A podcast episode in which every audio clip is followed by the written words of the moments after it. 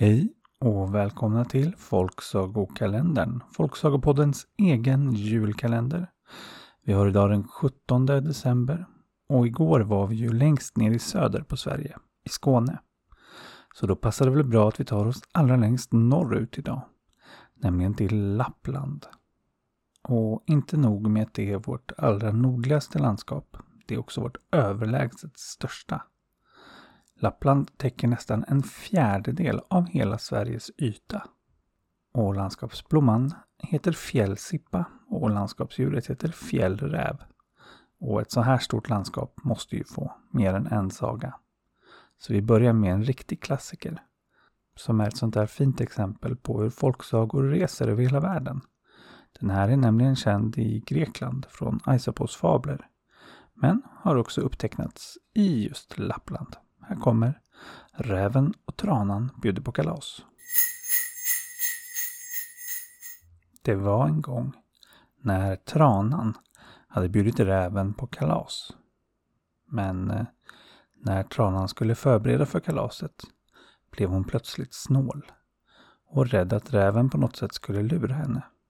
Hon hade nämligen fått tag i lite prima fin grädde och var nu rädd att räven skulle äta upp all grädde för henne.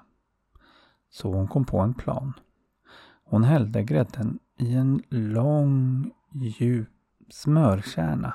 Så när räven kom och skulle smaka på grädden så försökte han förgäves nå ner till botten där grädden var. Men rävar är ju ganska jämntjocka rakt över så nosen fick han in i smörkärnan men sen tog det liksom stopp. Han såg grädden där nere men kunde bara få på sig lite, lite på tungan om han sträckte ut den riktigt långt. Medan tranan med sin långa smala näbb med lätthet nådde ner till botten och glufsade i sig av sin grädde. Och så tog kalaset slut och räven var väl inte helnöjd. Men väluppfostrad som han var så bjöd han ändå tillbaks tranan på en supé hemma hos sig. Och räven hade också fått tag på grädde men han ville minsann inte låta tranan få del av den. Så han tog den plattaste tallrik han kunde få tag i och hällde ut grädden på den. Så hur än tranan försökte så kunde hon inte mer än doppa näbbspetsen i grädden och fick inte i sig någonting. Medan räven med lätthet kunde slicka upp all grädde. Så kom det sig att båda middagsgästerna blev väldigt missnöjda. Men samtidigt också väldigt nöjda med att lyckats lura den andra. Den där räven alltså, alltid lika lurig. Men att tranan var likadan, det visste jag inte. Hörni, förutom att vara Sveriges största landskap så har Lappland också innehållit världens största stad ett tag. I alla fall till ytan sett.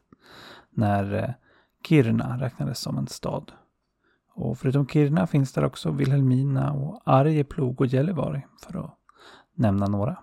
Och här kommer en saga till från Lappland. Det var en gång en man som hade fyra söner. En som var väldigt stark, en som var väldigt snabb, en som var väldigt modig och en som var väldigt förståndig. Och en dag skulle pappan ge sig ut och jaga. Och då tog han med sig två av sina söner. Den snabbe och den modige. Kvar blev den starka och den förståndige. Men eh, de hade inte varit hemma själva länge förrän den förståndige hade tänkt ut att det vore bra om den starke följde med också. Ifall de behövde hjälp att bära. Så han begav sig också av. Pappan hade just fått syn på en vildren som han bad den snabbe sonen springa ikapp och jaga mot honom så han kunde skjuta ner den. Och den snabbe satte genast iväg. Han var som sagt väldigt snabb och kunde med lätthet springa ikapp nästan vilket djur som helst. Det var bara det att någon annan också hade fått syn på vildrenen, nämligen en björn, som gav sig upp ur sitt bo för att jaga efter den.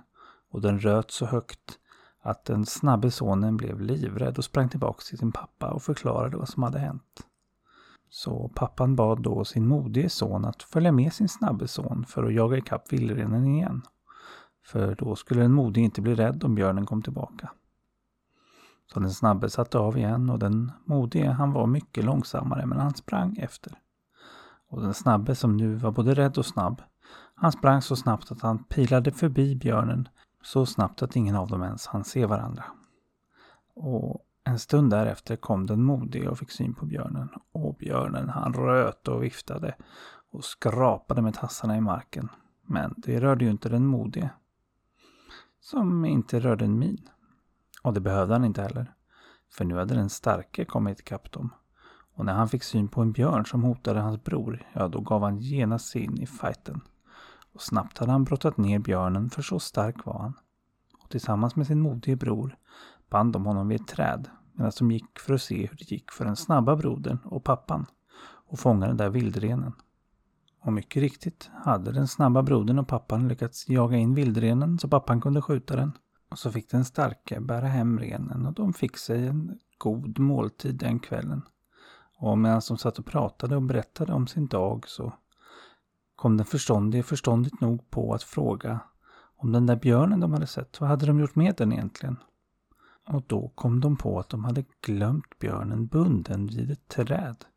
Ja, de hade bundit honom i svansen och sen runt trädet och, och han satt väl där fortfarande och var nog ganska så sur nu. Så den förståndige föreslog att den starka och den modiga skulle ge sig ut för att kolla. Men när de kom fram så visade det sig att björnen helt enkelt hade slitit av sig svansen och gått därifrån. Och kanske är det därför björnar än idag har så kort svans.